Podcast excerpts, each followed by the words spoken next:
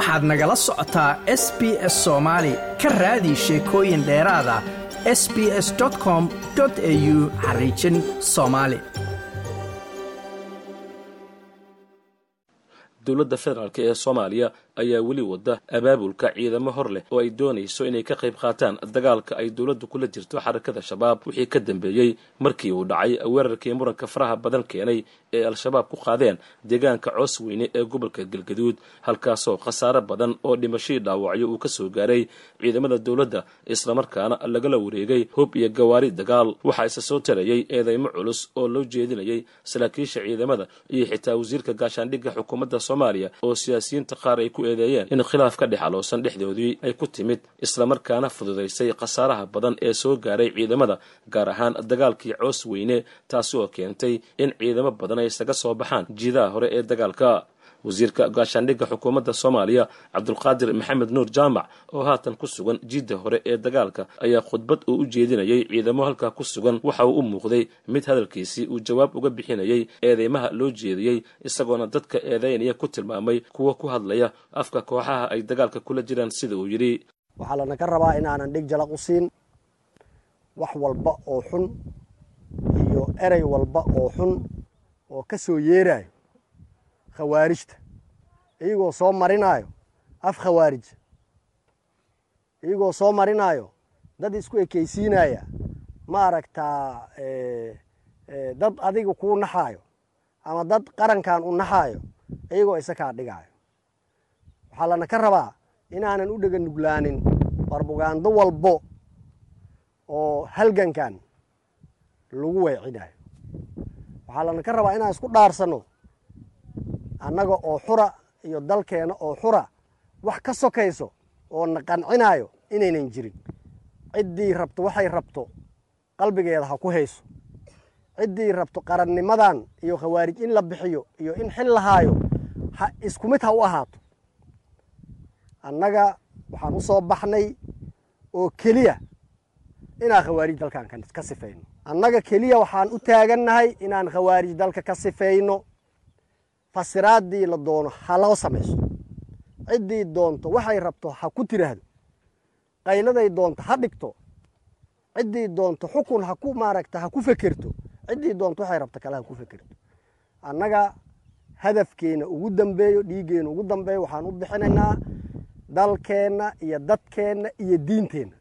Wax ka sokeeyo oona qancinaa ma laha. Kow laba saddex.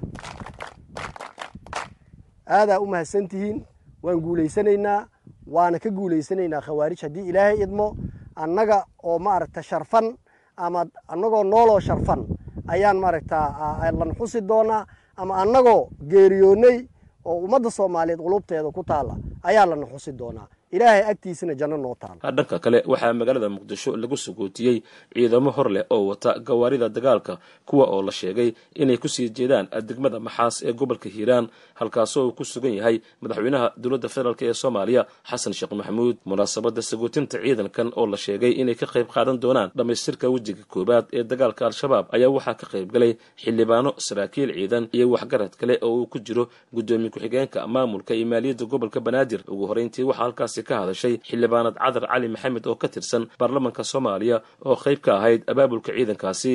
Waxaa baxaya maanta ciidamadan iyo maxay ahayd gawaaridan oo tiknikada ah. Waxay u baxayaan soo afjarkii ama soo afmeeriddii maxay ahayd gobollada aan ka soo jeedno labada gobol oon ka soo jeedno insha allahu watacaala maxay ahayd hadduu ilaahay idmo ciidamada waxaan leenahay guulaysta maxay ahayd garabkiinaan taagannahay had iyo jeer. Waxaa maqan maxay ahayd maxay ahayd ciidamo badan oo kuwa dawladda ay ugu horeeyaan waxaan leenahay maxay ahayd garabkiinaan taagannahay waxaan habeeni maalin u taagannahay dhiirigelintiinna annaga waxaan ka shaqaynaa inta sidii aan u abaabuli lahayn aniga iyo generaalka iyo guddoomiyaha gobolka iyo dhammaan. Maxay ahayd waa idi garab taagannahay waxaan idin leenahay guulaysta kuwa maqan kuwa hadda baxaayana waxaan leenahay allaha idi aruuriyo ilaahay nabadgelyaha idinku geeyo. Waxaan rajaynaynaa in oo aa qaadatiin haddou ilaahay idmo. Guusha kuwii dhalin lahaa inaa adinka naqatiin markaad tegtiin oo guushaas aa qaadatiina ilaahay ka rajaynaa hawsha wax badan la soo waday.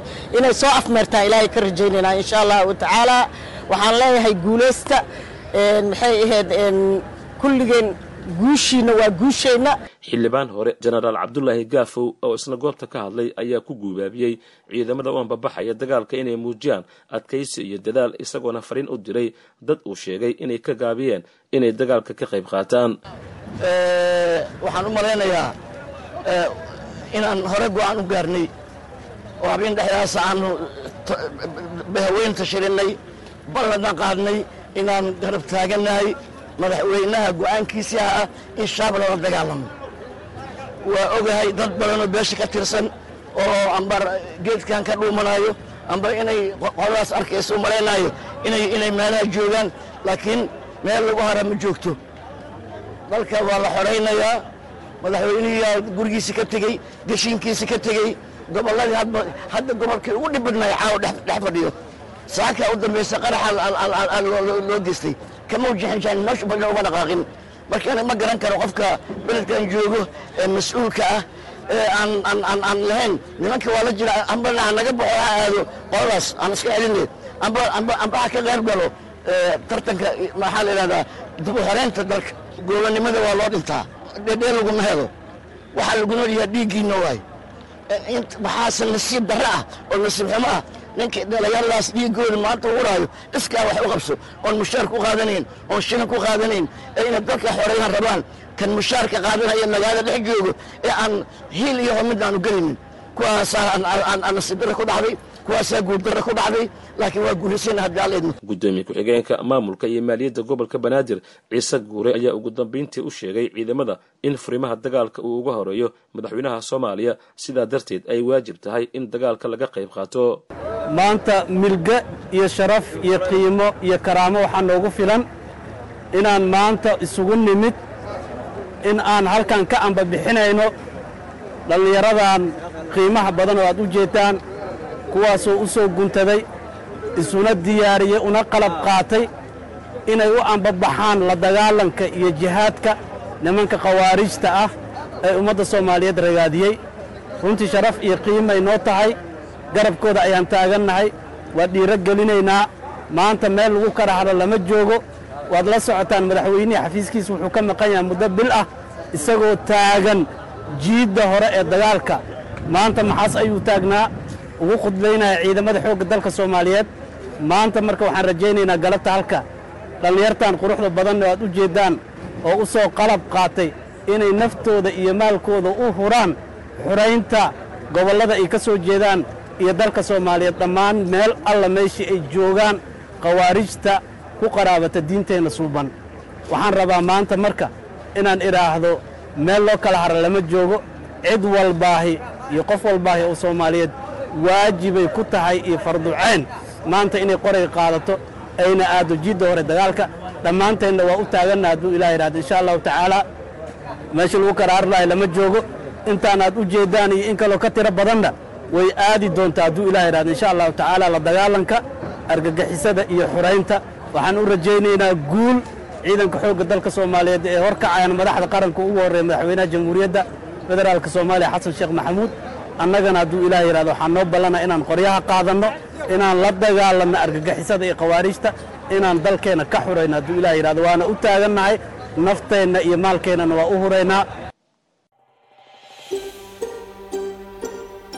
ma doonaysaa sheekooyinkan oo kale ka dhegayso apple podcast google podcast spotify ama meel kasta oo aad bodkastigaaga ka hesho